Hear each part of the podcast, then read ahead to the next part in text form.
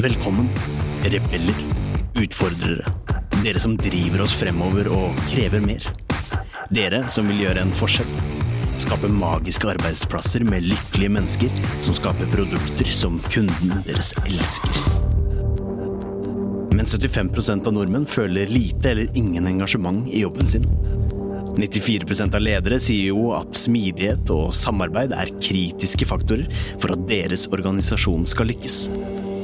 Men kun 6% av dem mener selv at de er smidige.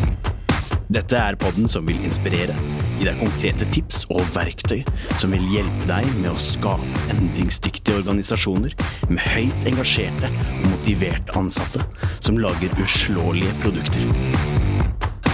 Med Smidig-coachen, kurs- og foredragsholderen Ida Kjær.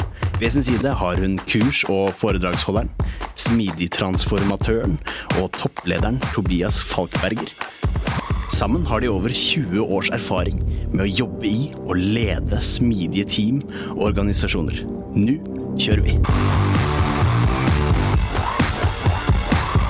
Hei, og velkommen til en ny episode av Smidigpodden. Vi er på episode nummer 39, så vi begynner å nærme oss faktisk 40 episoder. Dere. Det er ganske utrolig. Det er utrolig. Eh, Men i dag så har vi igjen nye spennende gjester. Vi har to gjester. Vi er tilbake på norsk svorsk, som vanlig. Så det er god stemning. Hva er temaet i dag, da? I dag skal vi snakke om mindfulness. Og gjestene våre er Agatha fra Norgesgruppen. Hun er performance, lean og agile coach. Og Tommy fra Kyoto Group, hvor han er agile coach og chief knowledge officer.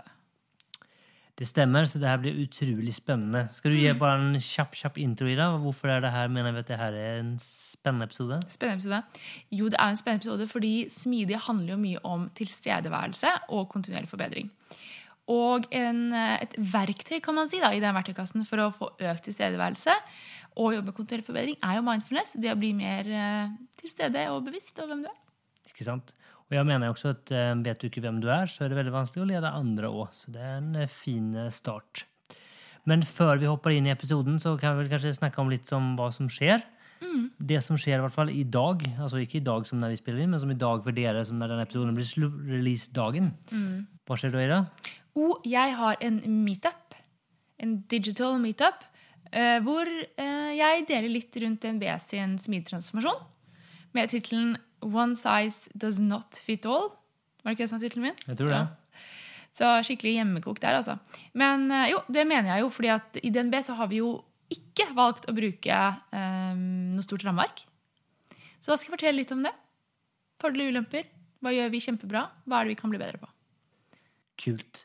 Um, så hvis dere er veldig heldige, så rekker dere å kaste dere på. Det fins kanskje plasser igjen, det tror jeg vel ikke, men eh, det kommer sikkert en eh, release, hva sier man, en Ja, opptak? jeg vet ikke. Ja, Det kan vi sjekke ut. Hvis vi gjør det, så kan vi linke opp til det. Det kan vi gjøre.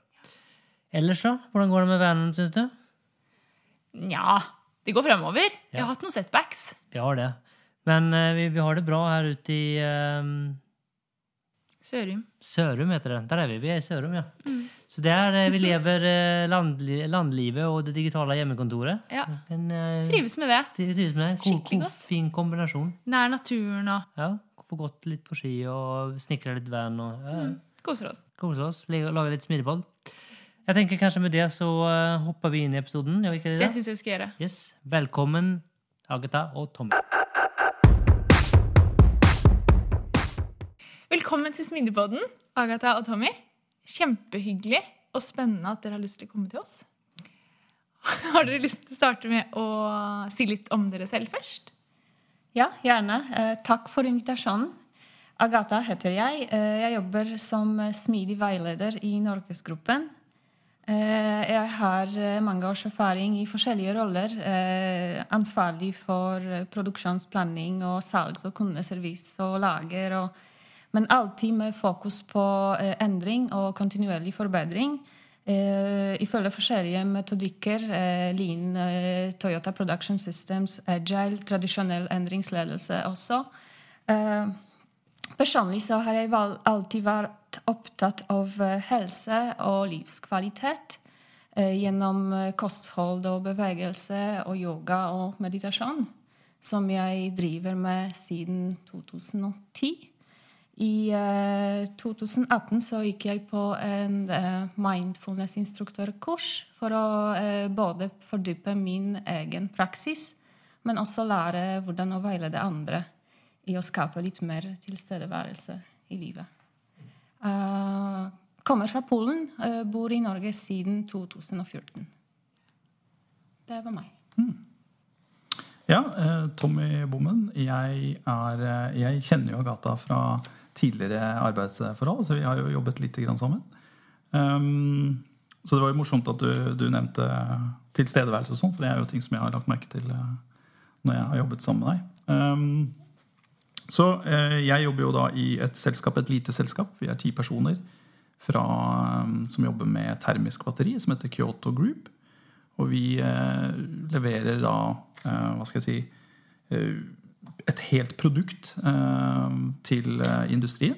Og eh, termisk batteri, varme, mye mekanikk, men også mye software og elektronikk og den type ting. Så, så har jeg jo tidligere jobbet mye med software og ledelse og agile coaching i ulike selskaper, både enterpriser og startups.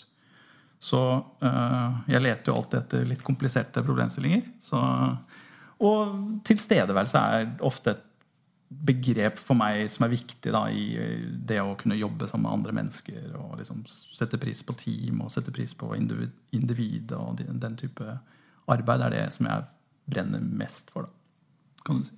Mm. Nå toucher vi jo inn på tema for denne episoden, som er eh, mindfulness. Innmari spennende tema. Og eh, mange av lytterne som kanskje Noen har sikkert masse erfaring med det, andre ikke så mye erfaring med det. Så det blir gøy å liksom utforske det litt nå. Så vi kan jo starte litt med da, liksom, hva er mindfulness for oss som sitter her nå? Mm. Eh, Det har blitt mange mange forskjellige faser i livet mitt i forhold til mindfulness. Eh, Kanskje litt for mye, eller kanskje alt, eh, ikke nok hjelpsom eller ikke hjelpsom. Akkurat nå så er det et verktøy som jeg bruker for å ja, jobbe bedre, leve bedre. Så det er eh, sånn eh, fysisk aktivitet gjør for kroppen, så er det mindfulness eller meditasjon eller tilstedeværelse som hjelper eh, meg å bruke hjernen bedre. Uh, ja, nyttig verktøy. Spennende. Um, tilstedeværelse er jo det ordet som jeg også bruker mest. Uh, og det er jo for meg litt kontekstavhengig uh, når jeg ser på mindfulness og tilstedeværelse. Så ofte så er det jo uh, det individuelle for meg pers som person, og så er det jo ofte uh, i ulike settinger. Da. Så da, da har jeg liksom litt forskjellige varianter av mindfulness. Um, men, men um, det å på en måte være til stede i meg selv eh, er ofte en, en, eh, en variant av mindfulness som jeg kommer tilbake til da, som individ, som person. Eh, og på jobb så er det kanskje andre varianter av mindfulness som jeg bruker, og begrepet kanskje blir litt, ja, litt annerledes. Men uh, hovedsakelig så er det jo uh, Som agile coach så kommer du jo ut for mange andre mennesker og mange interessante problemstillinger som krever eh, deg som individ og måte å håndtere ting på, som jeg syns gjør at tilstedeværelse er liksom den beste, det beste begrepet for meg. da. Hva tenker dere da? Jeg tenker jo også tilstedeværelse og liksom bevisstgjøringen rundt det. For jeg tror at man, jeg tror man altså vi alle er kanskje mindre til stede eh, mentalt enn vi tror at vi er. Eh, og jeg tenker det er at i alle fall være bevisst over at du ikke er det, eller at når du ikke er det, tenker jeg, det hjelper i hvert fall meg da, at liksom kunne komme tilbake da, og faktisk ha fokus også på det jeg skal ha fokus på. Da. Eh, Så det har liksom vært en nyttig ting for meg, og spesielt kanskje liksom i både inn i møter generelt, men framfor alt liksom i samtaler én til én.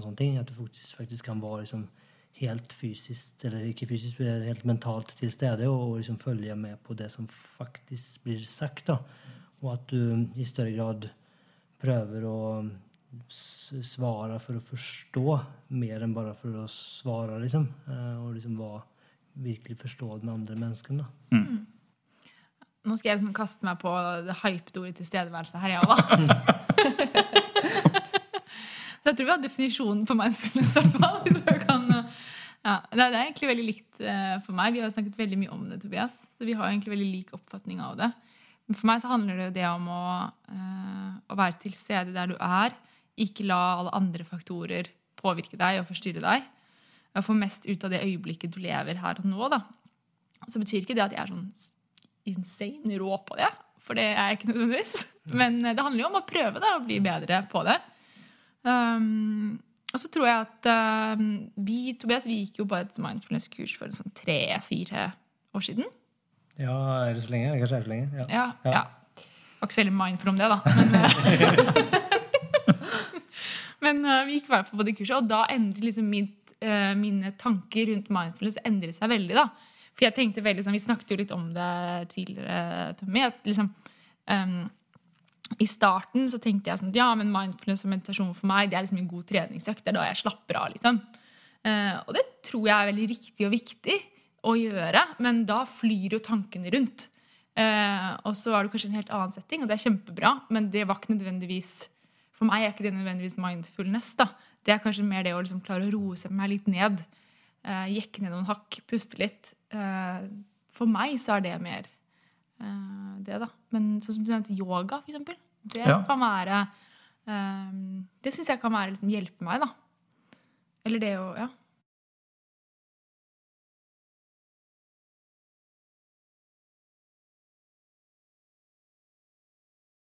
Ja. Som jeg ønsker å gjøre mer av. Eh, Så er vi, Ja. vi er jo Ja, ja, ja. Kjempestøttemedlemmer. Jeg, Sette av eh, tiden til det. Det er jo har, det er ikke, det er ikke mye tid igjen, Men Nei. eh, vi er ikke så gode på det. jeg tror faktisk jeg har tre meditasjonsapper jeg, på mobilen min. Ja. Ja. Så du kan spørre om jeg bruker de, da. Mm, Tre for mye. Tre for mye. Men det jeg har brukt, er at du, Agatha, sendte meg en lydfil. Den er helt rå. Den har jeg brukt. Den er det. Den er skikkelig bra, fordi det handler om å bare Du er god nok som du er. Og det syns jeg er så deilig. Og ikke sånn nå skal du fokusere på liksom alle mulige ja, Nå skal du ikke tenke, på en måte. Fordi hva mindfulness ikke er, er Det betyr ikke å strebe til å for fjerne alle tanker eller bli kjempesupert fokusert eller oppnå noe. ikke sant? Det handler mer om å bare akseptere det som er nå, og mm. meg som jeg er akkurat nå, og bli sånn i akseptans med dette momentet eller dette stund som vi er i. Og derfra kan vi kanskje tenke er det greit eller ikke. Ønsker jeg å gjøre noen endringer eller eh, bestemme noe annet? Men fra akseptans, ikke fra å dytte ting eh, fra meg og prøve å glemme tanker. Eller. Ikke sant? Ja, og, og jeg tror det er, Da er det jo interessant uh, i forskjellig kontekst, da, eller forskjellige settinger, som vi sa litt i sted, var jo at vi Et sted som i yogapraksis, så, så, så har du i hvert fall for min del, så i ashtanga, eh, så er det så tungt og vanskelig å gjøre øvelsen og stillingen at du har ikke noe valg. Du må være der. Du, du, så, er- det en, en litt indre kamp på en måte som går litt dypere enn det vi snakker om nå. Er litt mer Er jeg veldig superkonsentrert på én ting? Da føler jeg at da er jeg konsentrert. Men er jeg da mindful? Jeg, er, har jeg med meg pust? Har jeg med meg hele kroppen min? Er jeg til stede i kroppen min nå? Og, og, og da er det jo en helhet, og ikke nødvendigvis en konsentrert liten bit av det hele. da. Så da kommer vi, Det er på en måte en, et sted hvor jeg finner mindfulness enklest. da. For da, da føler jeg at jeg nesten ikke har noe valg. Er, jeg blir puttet i den av konteksten min. Men når jeg er på jobb, så er det jo mye vanskeligere å se igjen, altså se de hendelsene og de tingene som gjør at eh, Og her burde jeg være mindful, eller eh, hvordan kan jeg være mindful i dette? Du nevnte jo one-on-one-møter, som er veldig typisk sånt kontekst som du, som du har mulighet for å rette deg inn på. Sitte og være mindful, eller være til stede når du gjør det. Lytte aktivt, og så bruke alle de teknikkene der. Um, så det er jo ulike settinger man kan sette seg selv i, selvfølgelig, eh, for å finne mindfulness. Eh, Og jeg er jo i hvert fall ikke noe ekspert på det, så det er, det er på en måte bare min, min oppfattelse av hvordan det, jeg opplever det. Um, for meg også, som du sier, kvalitet av jobben jeg leverer hver dag, tror jeg er bedre fordi jeg øvet meg litt i mindfulness. Lytting på forskjellige nivåer. Ikke sant? Ikke bare lytte til det som blir sagt, men kroppsspråk og andre ting som forteller oss noe. Da kan jeg kanskje stille bedre, mer hjelpsomme spørsmålene. Vi vet at uh, agile coaching handler mye om å stille de gode spørsmålene som hjelper oss å finne enda bedre løsninger eller svar. Så, så det tror jeg jeg er litt bedre på. Uh, å mestre mitt eget stress, sånn at det ikke påvirker andre. Uh, holde litt avstand fra det som skjer, bli bevisst på hva som skjer i kroppen når det er noe stressende. Så eh, mange fordeler på jobb. Eh, og så tenker jeg at eh, jeg, bare får mer glede fra jobben. Fordi jeg er der når ting skjer. Jeg prøver ikke å bli en annen sted, planlegge noe annet som skal skje etterpå. Jeg er i et stund og erfarer alt som skjer. For det er jo, Vi prater egentlig om to ting. Det ene er jo mindfulness som treningsform. Og så er det kanskje det som vi prater om å være til stede, som, som du er, blir bedre på for du har trent på det. ikke sant? Um, kan du si litt om hvordan dere trener mindfulness? Gjør vi det? Ja.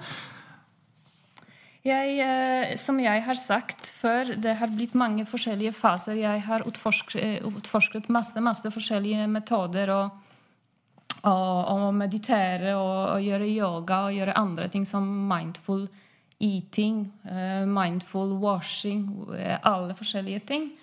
Eh, akkurat nå så tenker jeg at det er kanskje sunnere for meg å bare gå på tur enn å sitte hjemme og meditere. Vi er på hjemmekontor, flere av oss. Vi, Det er mørke tider, ikke sant?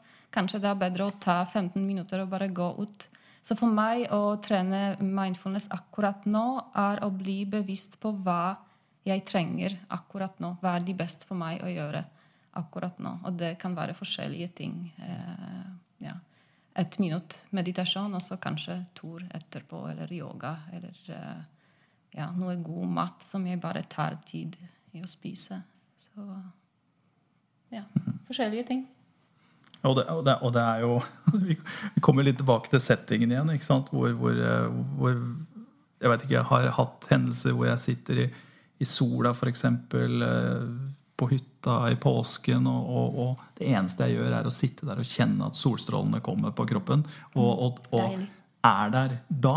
Og det er ikke så veldig mye annet som kan måte slå det. eh, Og du kjenner solstrålene på kroppen, og endelig så er vinteren kanskje litt over. altså Du har noen sånne i bakgrunnen. Um, men, men for meg sånn rent jobbmessig så jeg, Og det, det er jo over tid, og jeg tror kanskje um, sette for, for meg så det jo, handler det litt om tålmodighet og å kunne gi slipp på ting som ikke jeg nødvendigvis har kontroll på. Eh, så, så jeg har alltid vært eh, eh, så jobbet mye med prosjektledelse og sånn tid- tidligere. Og, og, og da har det jo ofte vært behovet for kontroll har vært ganske høyt hos meg. da. Så noen vil sikkert kalle det kontrollfrik på et eller annet tidspunkt. Um, men, men det å kunne lære seg da å si at du, dette, har, dette er ikke noe jeg kan kontrollere på. Jeg er bare her. Jeg, jeg, jeg sitter og lytter. Jeg er i en setting nå hvor jeg kan gripe muligheten til å lære noe. Jeg kan få med meg ting som, som på en måte er en del av uh, hverdagen. Eller eh, kanskje en del av hverdagen som du ikke nødvendigvis uh, får med deg alltid. da. For jeg blir jo stressa, jeg blir jo oppjaga, jeg blir jo ivrig, jeg blir konsentrert.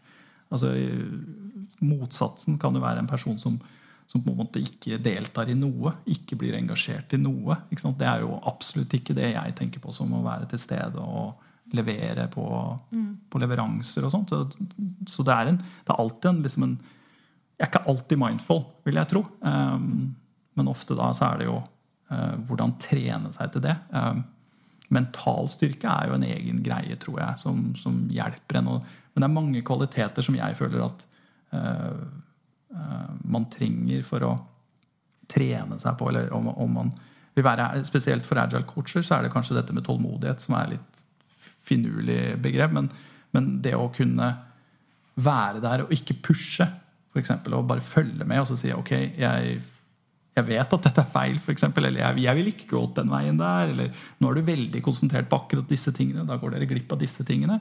Så, så det er jo en del sånne dragkamper. Men det å kunne sitte i det, og så, og så være bevisst og til stede og kunne liksom spørre om de rette tingene eh, jeg Og så vente på svar. Tørre å, å, å bli i stillhet i et stund for å, for å la de andre tenke litt rundt ting og komme opp med svaret etter Ja. et stund. Ja, definitivt. Og ofte så er det jo, som du nevnte, også spørsmål, stille de rette spørsmålene tidligere. var jo og, ved å stille spørsmål så får du kanskje den andre til å tenke. Til å være mer til stede. Til å plutselig komme litt ut av den derre jeg skal den veien, eller jeg har den retningen, og det er det jeg fokuserer på. Så stiller du et uventa spørsmål, eller et spørsmål som fører til noe annet. Som gjør at de stopper litt opp, kanskje. Og så plutselig så er dere akkurat til stede samtidig på samme sted. Og så kan dere begynne å snakke om de andre tingene, kanskje. Du nevnte stillhet. Det syns jeg er veldig spennende. Eh, Kunne du si det litt mer? For stillhet er kanskje nesten et av de mest kraftfulle verktøy vi har, som er liksom veldig interessant. For det, de fleste tenker at man ikke gjør noe, ikke sant? Men, men det er jo et veldig fantastisk verktøy. Kunne du si noe rundt altså, liksom hva du tenker der, og, eller begge to, og hva liksom, koblingen til mindfulness der? Hva tenker dere, tenker dere at det er en kobling der? Fra, fra, Stillhet. Spennende. Mye som skjer i stillhet også. ikke sant? Ja. De som lytter, ikke ser på oss, men nå ser vi på hverandre og smiler. Og det er kroppsspråk som sier så mye. Så spennende. Vi har så mange tanker rundt stillhet nå. Og det prøver jeg også å, å gjennomføre på jobb, i møter, i samtaler. Og bli komfortabel med stillhet. Fordi det betyr ikke at ingenting skjer. Det betyr at kanskje vi tenker, kanskje, kanskje vi utforsker forskjellige muligheter, forskjellige ting. Så det er jo mye som sitter eh, i stillhet. Mye verdi. Ja, veldig. ja. og, det, og det er jo også det å eh, tørre å ta en tenkepause.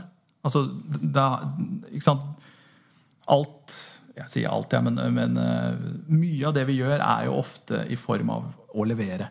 Levere noe. Og levere på tid, eller levere til noe, eller vi skal, skal et sted, osv. Og, så videre. og, og det å bare stoppe opp og så tenke ok, la meg tenke gjennom det litt. Grann.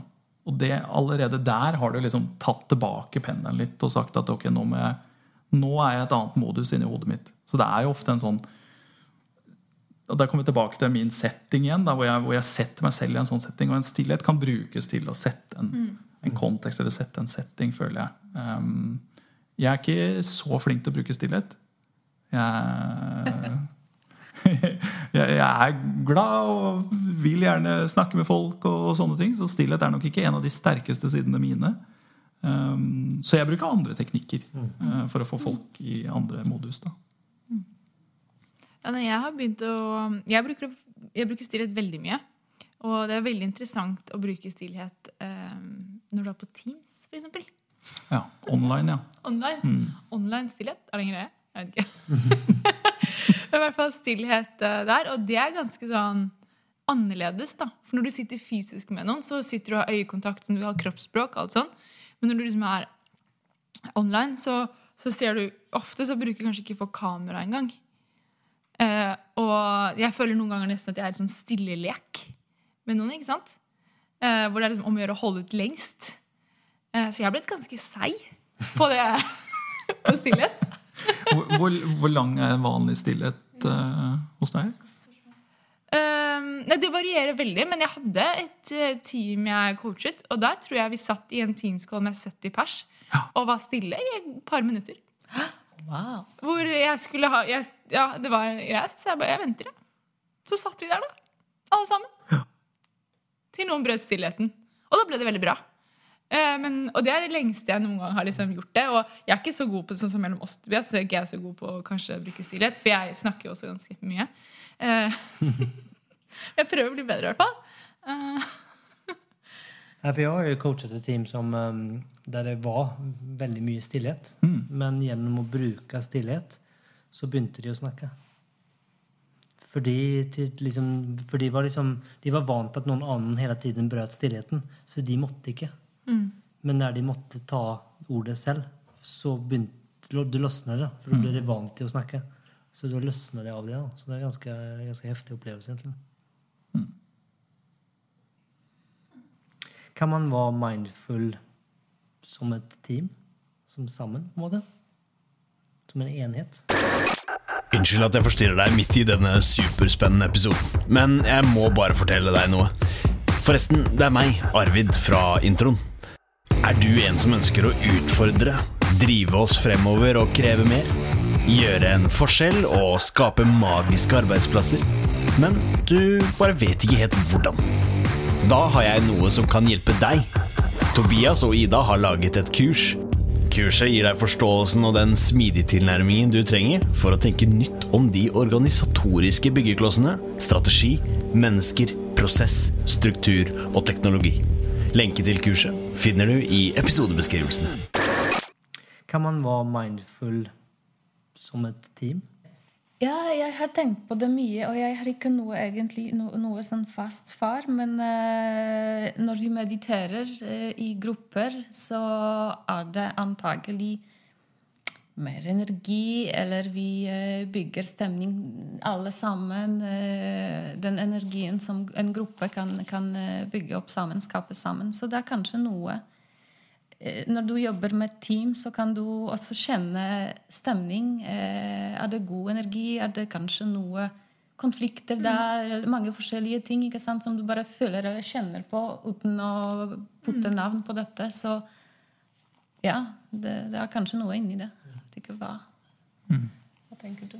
Og jeg syns det er vanskelig å si Jeg vil jo si kanskje i utgangspunktet at nei.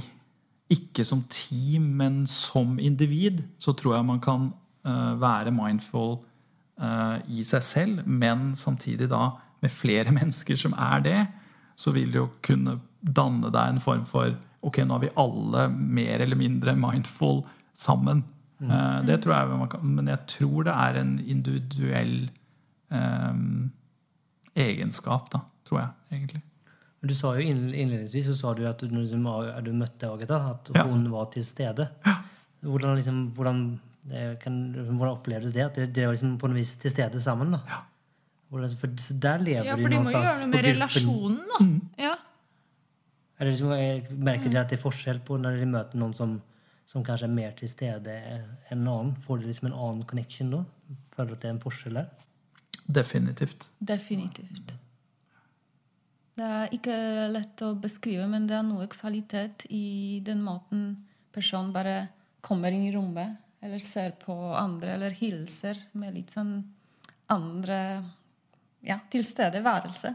Han eller hun er her nå. Det, det kjenner jeg. Så ja, som du har sagt, vi har jobbet sammen i et stund, og jeg kunne, kunne se siden første intervju vi hadde sammen, at eh, ja, Tommy er ganske mindful. Det er kjempespennende å jobbe med noen som er veldig til stede. Ja, så ja. Det tenker jeg også, Man merker det jo fort hvis man har en samtale med en person, om den personen lytter til det du sier. Om de virkelig liksom tar det inn over seg, eller om de er mest opptatt av å svare.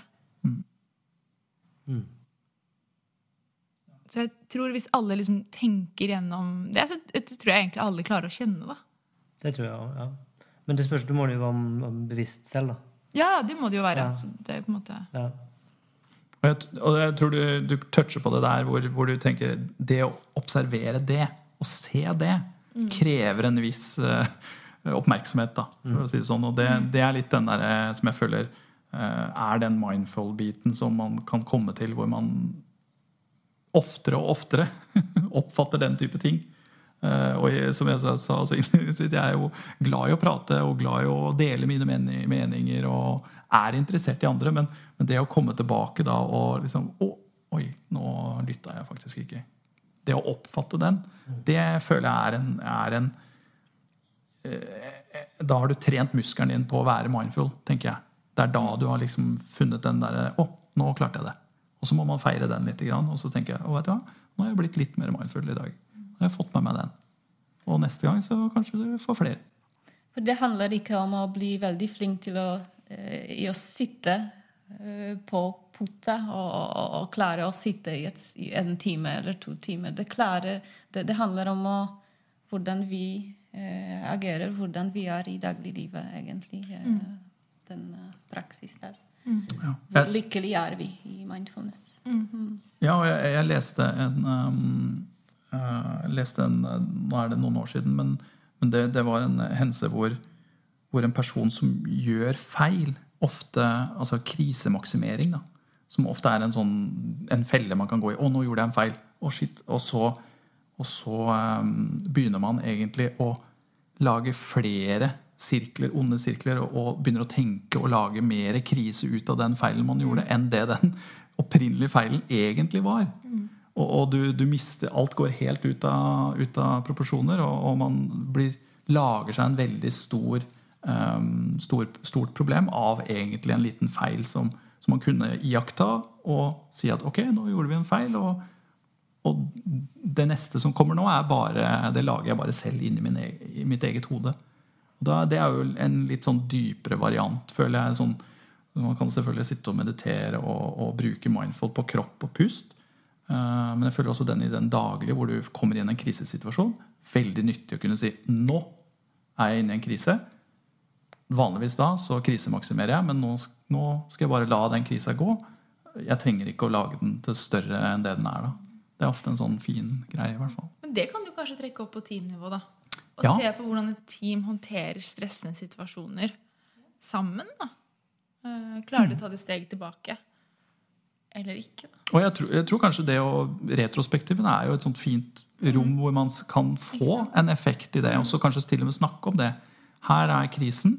Hva er konsekvensen av den? Og hva er det andre vi har tenkt på etter det? Hva har skjedd? Hva, ja, er det riktig? Er det, for det er, det er, folk er jo annerledes, og noen er veldig risikoaverse. Andre er jo glad i å ta risiko. Uh, ja.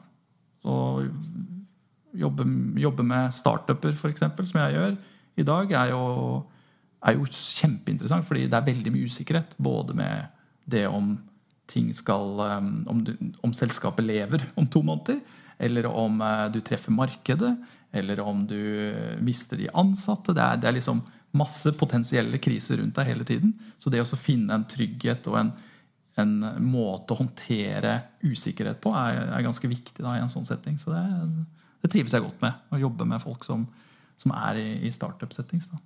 Startup-selskaper. Og i store selskaper så pleier vi å være veldig oppgaveorientert også, og levere og levere. Og så tenker jeg mindfulness og eh, agil tankesett, som f.eks. Eh, har den Kanavin-modellen inni seg. ikke sant? Eh, Sensemaking-modell. La oss ta en pause og tenke hvor vi egentlig befinner oss nå. Er det enkelt, komplisert, kompleks miljø? Og, hva, og da, hva skal vi gjøre nå, når vi vet hvor vi er? Det er veldig mindful. Så eh, ja. Ja, og ikke, ikke minst det du sier, liksom at komme bort fra en oppgave Altså hva er det vi faktisk er her for? Hva er det vi skal oppnå? Hva er det, skal, ja, hva er det for verdi vi faktisk skal skape? For det er jo, Vi prater jo tilbake til én til én. At liksom til og med der så kan man liksom Folk blir så oppslukt av at de skal liksom gjøre ting. Så kanskje til og med at du liksom begynner nesten telle én-til-ener som liksom en, en output. da, At du liksom har hatt nok én-til-én-samtaler. Og ikke kanskje den verdien eller liksom samtalen du har hatt eh, refleksjonen av liksom læringen, det blir nesten glemt. Det blir mer å bare gjennomføre. Og det er jo Har dere et nytt spørsmål, har dere jobba noe med mindfulness-trening i en eh, hva skal jeg si, eh, jobbsetting?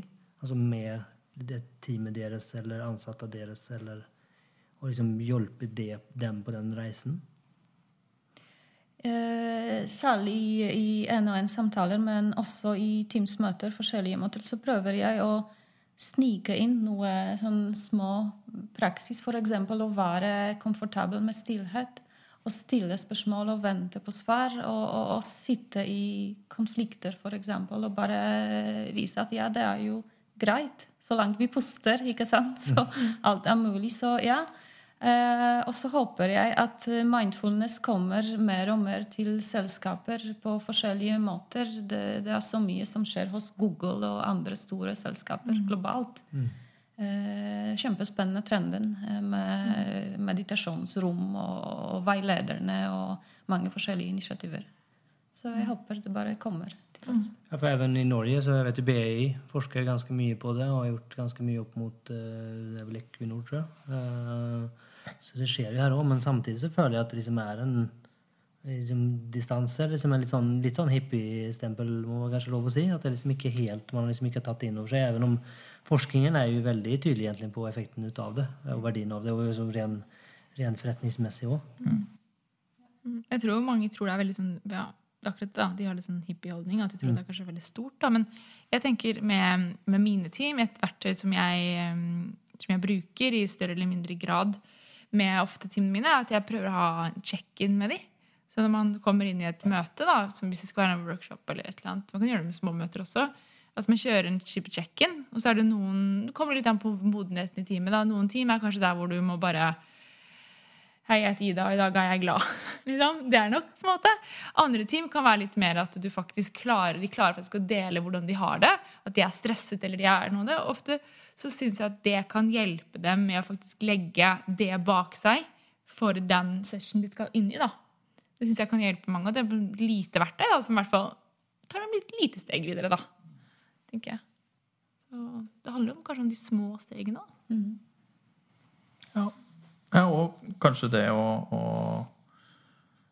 nå er vi, Jeg er vel kanskje den eneste som ikke har vært på sånn eh, kurs om mindfulness. Hva gjør du her, egentlig? her. Hva, hva er jeg her?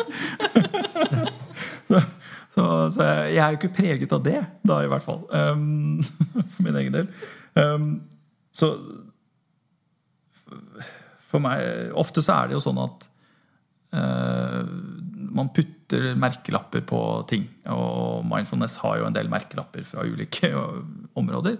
Så, så, og for meg så er det jo viktig kanskje i noen settinger å, å forstå at mindfulness ikke, har ingenting med religion for meg å gjøre. Det har ingenting med spiritualitet eller liksom den siden heller, egentlig. For meg så er det et, en måte som hjernen min, hodet mitt, fungerer på. Rett og slett. Det er veldig praktisk, kan du si. da. Og om man kan kalle det som er inni hodet sitt, praktisk. Um, men det er, så for meg så er det veldig, veldig enkelt. sånn sett. Jeg har ikke knyttet det til en masse andre ting. da. Man eh, kan jo velge at det er mye mer enn curl-ups for eh, hjernen, men eh, det må ikke nødvendigvis være det. Det er et verktøy. veldig nyttig. Men du har noe erfaring med martial arts? Ja. Det er ganske mindful også. Da trener du eh, tilstedeværelse på en annen måte. Ja. Og det er jo og det er kjempespennende. Altså, martial arts kanskje noe av det som jeg syns var mest spennende med det å drive med, med kampkunst, og gjerne aikido, da, som jeg drev med en stund tilbake. Og, og, og det å kunne være um, Hva skal jeg si aware. uh, var det norske ordet for det? Uh, ja, bevisst og observant av det som skjer rundt deg. Uten at du nødvendigvis ser på det. Det er ganske spennende. Det syns jeg var utrolig morsomt. Og det er jo noe du gjør hele tiden i, i, i martial arts og kampkunst. Det er jo det at du følger med. Du har på en måte føleren ute. Hva er det som skjer? Eh, hvor er jeg? Jeg plasserer meg her. Hva skjer hvis det kommer Ok, nå må jeg reagere. Så det, det er en veldig god ligning da, til noe sånt. Så når du fasiliterer PI-planning med mange mange mennesker i et stort rom, så er det kjempespennende å bli bevisst på alt som skjer rundt deg, uten å se på det som skjer. ja, Men nå har jeg et spørsmål. Og eh, det jeg lurer på nå sitter, Du snakker om at når du gjør den aikido, eh, så blir du liksom veldig liksom, inni det. Eh, samme når du gjør eh, yoga. Eh, jeg har samme opplevelse når jeg gjør mye av mange av mine eh, hobbyer. Eh, som Tobias og jeg, vi gjør mye endurosykling, downhill, så mye på ski. Drev med sprangridning da jeg var yngre. Liksom, da var jeg helt liksom, 100 til stede. Og jeg tror veldig mange mennesker har det sånn.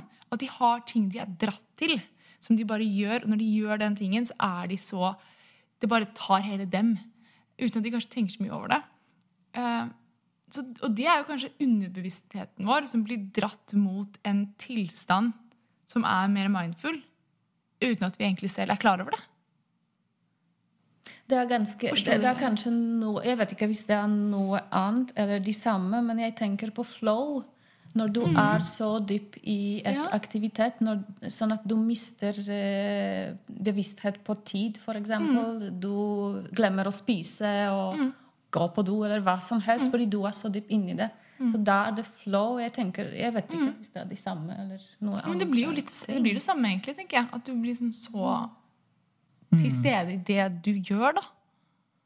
Samtidig som jeg tror også er faren er Nå kommer vi jo ganske dypt ned i det her, men, men da er jo også faren av at du er veldig konsentrert. Ja. For det er jo den andre varianten, føler jeg. For hvis du er veldig konsentrert, så føler jeg Nå går vi litt inn i sånne De som har drevet med mindfulness i mange mange år, eh, har skrevet noen bøker eh, ofte. Og, og det har jeg jo lest. Eh, Og, og fra de så har jeg forstått det slik at hvis man, hvis man er veldig konsentrert, så er man ikke mindful. Eh, og det er jo selvfølgelig sikkert en eh, vurdering man gjør selv. Um, men for meg i hvert fall så er det veldig sånn hvis jeg er veldig konsentrert om noe, så er, så er det den tingen jeg er veldig fokusert på. Og da kan jeg være i flow, for den saks skyld. Um, mens andre tider så tenker jeg nå er jeg mer mindful fordi jeg ser, jeg observerer meg selv i hva som skjer. Og så ut ifra det så, så Sånn som krisemaksimering da, i forhold til det. Og så sier jeg ok, det her, jeg gjorde en feil. Ok, det gjorde jeg. Og så aksepterer jeg at jeg gjorde den feilen. Og da har jeg vært mindful på at det har skjedd en feil. Og så er jeg mindful på at å, nå begynner jeg å krisemaksimere. Nå begynner jeg, å, tenke om, tenk om det er sånn. Og nå, og nå er det ingen som kommer til å gå på kalle meg inn til intervju lenger, for jeg har vært på podkast og prata om mindfulness. Ikke sant? Så, er vi, så baller vi på oss, og så lager vi mange greier rundt dette her. Nå går du dyp inn i temaet. Ja. Så det, det, det er jo mange lag her som vi kan diskutere, selvfølgelig. Og, og det er jo, det er jo Jeg syns det er et veldig spennende tema, og, og ofte litt vanskelig å finne akkurat hva det er. Eh, Men samtidig så føler jeg at i noen ganger så gjør jeg det bedre. Fordi jeg oppfatter sånne ting og tar, tar brodden av krisa, f.eks., eller den type ting. Og det hjelper meg. Og da setter det meg tilbake til Og så tenker jeg ok, nå har jeg vært mindful. Eh, Og så føler jeg jo flere ganger jeg får henta meg inn på de tingene der, så, så er det en trening i seg selv. da. Det er veldig sant, ja. Så jeg vet ikke hvor flow er. Nei. Det er Men det er veldig sånn de situasjonene ja, jo en, Jeg fortalte deg om det, Agatha. Da vi hadde hatt en eh, diskusjon, Tobias, og så om et eller annet. Og så hadde jeg liksom en veldig sånn følelsesmessig reaksjon. Jeg er veldig mye følelser, ikke sant? Og så har jeg jo lært på mindfulness at følelser er bare følelser. eh, og det er helt ok. Ja. Eh, og det var en av de viktigste tingene jeg lærte på mindfulness-kurset. At følelser er bare følelser, tanker er bare tanker. Og det er helt greit. Eh, men så hadde jeg liksom disse følelsene her. Og så spurte Tobias eh, hva føler du nå? Og da sa jeg hva jeg følte, da. Rett fra leveren, ikke sant? Men så la husk, jeg vet ikke om du husker det, Tobias, for jeg er veldig stolt over meg selv. Eh, for da sa jeg men det er det jeg føler nå. Og jeg må eh, reflektere rundt hvordan jeg føler rundt den følelsen. Og det jeg må komme tilbake til deg med mer input senere, liksom. Og da følte jeg sånn Nå har jeg liksom Ja, nettopp fordi mindfulness betyr ikke at vi ikke har noen emosjoner. Vi er bare alltid samme hele tiden. Vi er jo mennesker. Det betyr mer å ikke bli styrt av emosjoner, men Ja. bli bevisst at nå er jeg så emosjonell. Jeg må bare vente litt og ja, wrap my head around hva som skjer, og så kommer jeg tilbake. Det er jo Ikke det. sant? Ja. Så Blir man naturlig mer mindful av ålder? Hvor gammel er du? Ikke nødvendigvis, eh, kunne jeg si. Eh, stor karriere, f.eks., som bygger seg opp eh, med alder, kan føre oss til å være enda mer stresset og ikke til stede og sånn opptatt av å ja, levere eller gå eh, lengre og lengre den veien. Så ja, jeg tror barn f.eks. er veldig mindful eller til stede. Eh, så nei, tror ikke. Men kanskje man mister det, da. Hva sa du nå? Kanskje man mister det, da. Det kan godt Så hende. når man er barn. Du vokser opp, og så Får du alle reglene, og alt du må forholde deg Ja. til, og alt du må levere, og alt du må Særlig gjøre. trent, ja. kan godt hende det. Altså. Men samtidig så føler jeg det er enkelte egenskaper som hjelper deg til å være mer mindful. Tålmodighet kan jo være en av de som jeg syns, i hvert fall for min egen del, gjør at det at jeg har blitt mer tålmodig med årene så, Sånn sett så spiller jeg jo litt i forhold til det, det argumentet. Så da har jeg også kunnet være mer tålmodig med meg selv. Og det har hjulpet meg litt. Um, og det å få barn og ha barn i huset og på en måte oppdra barn har jo gjort mye med min tålmodighet. Uh, da jeg trodde jeg var tålmodig før, før det. Men uh, når vi hadde barn i huset, så ble det da, da lærte jeg mye om tålmodighet. Ja, jeg er fortsatt på vei der du er i dag. Men ja, omgivelser gjør mye med oss også. Kanskje vi ikke har hensikt til å være mer mindful, men det er noe i konteksten eller eh, ja, miljøet som gjør at vi må jo bare være litt mer tålmodige eller uh, til stede når du passer på barn, f.eks. Ja. Har du noen siste spørsmål i deg, før vi må begynne å gå inn til de siste fem? Ja, jeg har et spørsmål. Og det er eh, litt til lytterne også. Litt sånn utfordring til lytterne. Men vi kan liksom eh, starte med det. Fordi når, eh, En av de tingene jeg ble veldig bevisst på, var hvordan jeg kjenner stress fysisk på kroppen. Eh, ofte så kan jeg kjenne det fortere fysisk enn jeg oppdager det mentalt. Og jeg kjenner det i underarmene. Som en sånn derre eh, ja, sånn sitrende følelse, liksom. Um, kjenner dere stress fysisk? Ja. Ja, og kanskje som du sier, før jeg oppdager at jeg er stressa, så er det noe som skjer eh, med kroppen. Noe som kanskje jeg, for eksempel, Når jeg er stressa, så ser jeg ikke så bra. Noe med øynene som skjer at jeg kan ikke lese så eh, klart. Jeg kan ikke se. Så oi, ja, er jeg stressa? Så det, gir, det er litt sånn tilbakemeldingsmekanisme i kroppen som eh, når du er bevisst på det og legger merke til de små tingene som skjer, så kan du veldig fort opp, oppdage at jeg er stressa nå. Så må jeg kanskje ta en pause og tenke litt hva som skjer, hvorfor er det, hvordan kan jeg eh, jobbe med det, sånn at jeg ikke påvirker f.eks. andre i møte. Eh, eller eh, når jeg kjører, eller Ja, ja absolutt. Ja, det er, det er veldig spennende, og det spørsmålet er veldig godt. For det er eh, Jeg også føler jo stress, og jeg skiller ofte stress i to. Så det ene er egentlig litt sånn positivt stress. Det er litt sånn jeg, det er litt jag. Jeg får litt, eh, det er en deadline, kanskje, som jeg skal prøve å rekke, og så får jeg litt fokus ut av det. Så det er ofte én form for stress, men så har jeg den negative stressen, som jeg er mer var for eh, og prøver å se etter. Og da er det ofte jeg puster gjerne litt annerledes. Jeg gjør liksom litt sånn åh, Jeg har noen sånne uttalelser, eh, eller sånne lyder jeg lager, eh, når jeg sitter på PC-en. Eh, Og gjerne da er det Det jeg ofte ser fra, foran PC-en, hvor jeg sitter gjerne og jobber på hjemmekontor i lange lange tider. så, så nå er jeg jo litt lei av hjemmekontoret, så nå er jeg gjerne ut på kontoret. Da er det ikke så mye den type. men Så for meg så er det en fysisk reaksjon, kan du si. Hva gjør du da? jeg hører meg selv gjøre det, og så tenker jeg nå er det på tide å ta seg en liten tur ut.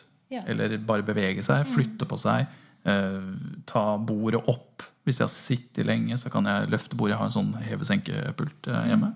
Kroppen er veldig nyttig eh, å ta i bruk i forhold til stress. Hva kan jeg gjøre med kroppen sånn fysisk? Det er ikke noe å tenke på. Bare å stå opp noen ganger eller Ja. ta noe eh, rundt, eh, rundt eh, rommet eller gå ut hjelper allerede å jobbe med stress.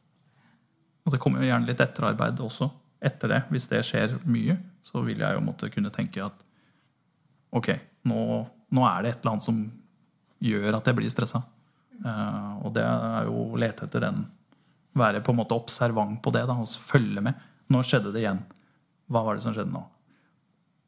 Er det deadline? Er det positivt stress? Nei. Er det negativt stress? Ja. Ok, hva er det som gjør at jeg blir sånn, f.eks.? Så, for det er jo en, et lite retrospektiv for deg selv, da, om du vil. Ja, Positiv og negativ stress er jo en helt annen, eh, veldig spennende hull man kan grave seg ned i. Vi kan ta to timer til, så Tobias, har du noen reaksjon på stress? Fysisk reaksjon? Ja, jeg tror eh, jeg blir veldig eh, kan begynne å svette, faktisk. Og Og så er det jo eh, Det kommer kanskje litt lenger, men så søvnen blir eh, ofte eh, altså Både vanskelig å sovne, men også at jeg kan våkne av av meg selv. Eh, altså har jeg sovet tre timer, da er, det liksom, da er jeg så gira, så da må jeg nesten stå opp. liksom. Eh, Så den, den kan jeg absolutt føle på. For jeg tenker jo En liten eh, utfordring til lytterne er jo neste gang du kjenner på stress. Hvordan reagerer kroppen din? Og kan du bruke det til å forstå kroppen din bedre og kanskje håndtere stress bedre? Det er fin utfordring. Kult. Good. Skal vi hoppe inn i de siste fem i dag? Jipp, jipp. Hva ville dere ha fortalt 20 år dere selv? Eh, Ja, eh, ingenting egentlig. Fordi eh, Bare fortsett som du gjør. Fordi jeg var så sta. Ikke hørte på noe gode råd. Og så eh, tenker jeg at det er noe verdi i det å bare lære, feile og lære igjen. Og kjenne det på kroppen og, og, og, og erfare det selv. Og så kan det være sånn at eh, noen har noen erfaringer i en situasjon, og så er det helt annerledes for andre. Så det betyr ikke at ja, det fungerer for meg, så det fungerer for deg, selv om det er, ikke, det, det er meg, eh, bare en eldre. Så ja, ikke noe håp der. Gode råd. Da blir det opp til meg. er det det du sier. Over to you. Og eh, den yngre versjonen av meg kunne sikkert brukt litt mer tid på, på skolearbeid og den type ting, men, men eh, for meg så er det jo vært dette med å lytte, følge med på være interessert i hva andre mennesker forteller eller ønsker å fortelle deg, eh, og kanskje ha tålmodighet med andre mennesker som ikke nødvendigvis er så frampå som deg selv.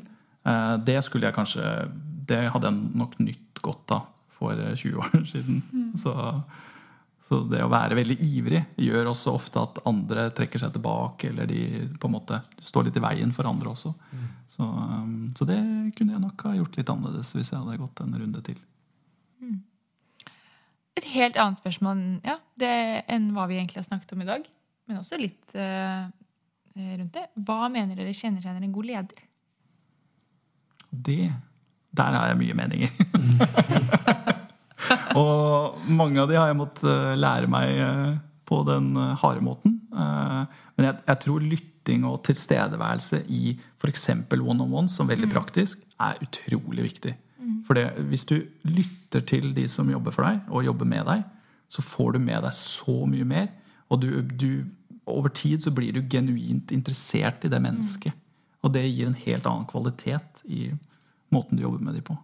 Så det, det er det jeg tenker. Ja, noe på de samme spor. Kanskje integritet.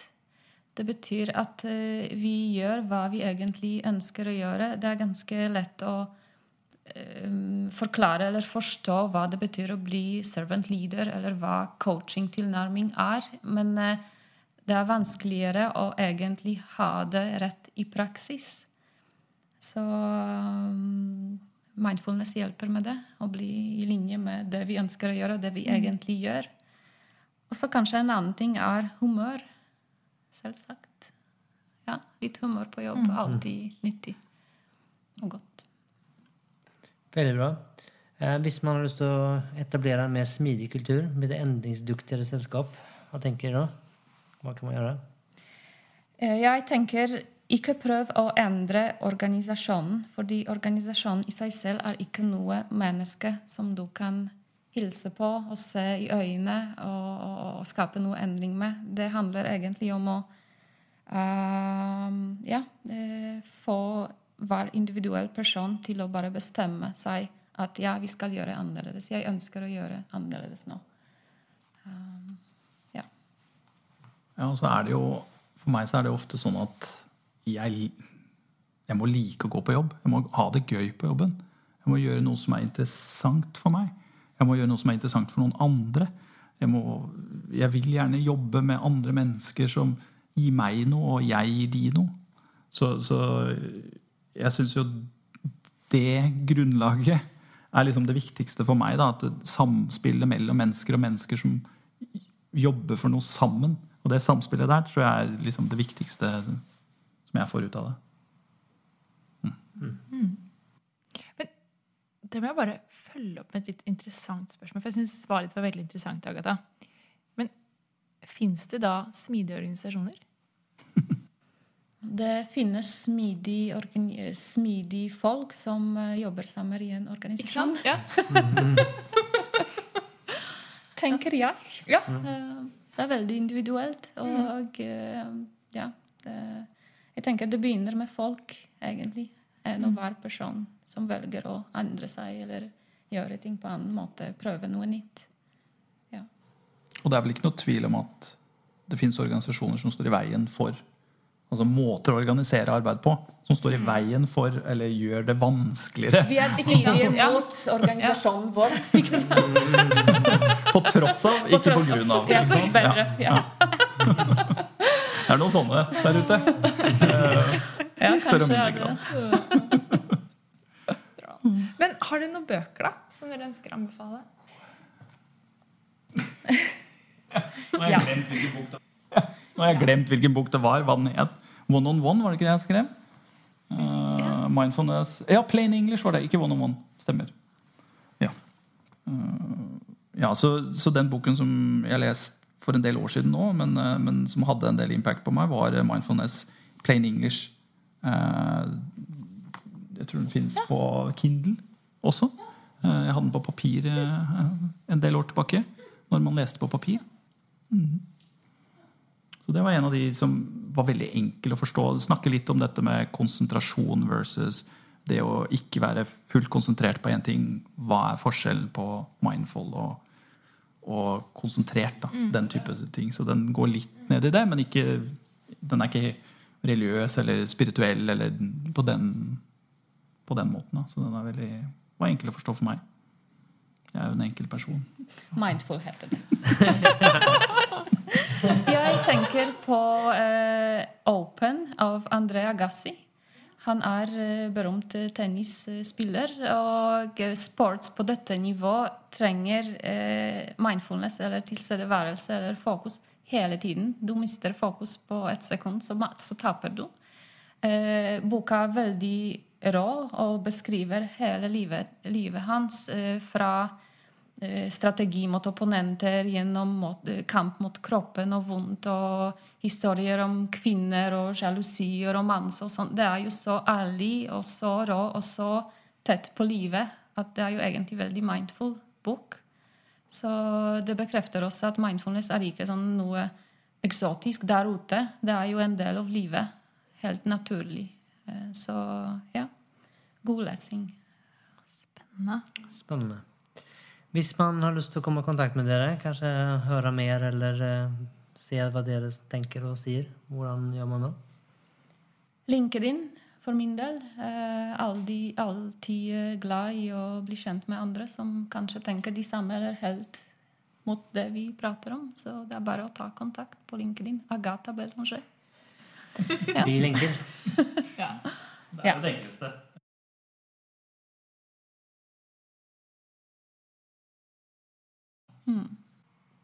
Det skal vi finne og klare lenke til det òg. Da er vi igjennom. Så veldig mye takk at dere har lyst til å komme hit. Tu Tusen takk for en kjempefin episode. Yes, så du Veldig sier- gøy å kjøre her hos dere. Så, tusen takk for invitasjonen. Så med det så tenker jeg vi sier ha det til lytterne. ha det. Ha det. Ha det bra! Ha det bra. Tusen takk for at du lyttet på denne episoden av Smidpodden. Dersom du likte det du hørte, så abonner på Smidigpodden, da vel. Da får du masse mer av denne type innhold i fremtiden. Dersom du har lyst til å støtte Smidigpodden fremover, så gå gjerne inn på linken under og eh, ta kurset vårt. Du kan også så klart bruke noen av linkene under til bøkene som gjestene våre anbefaler. Det er affiliate links, og det betyr at Smidepodden får ei lita krone når du kjøper en bok, men du betaler så klart ikke en krone mer når du handler. Så med det så ønsker jeg deg en fortsatt fantastisk dag eller kveld, hvor enn det er du befinner deg i denne store, vide, vakre verden. Ha det bra!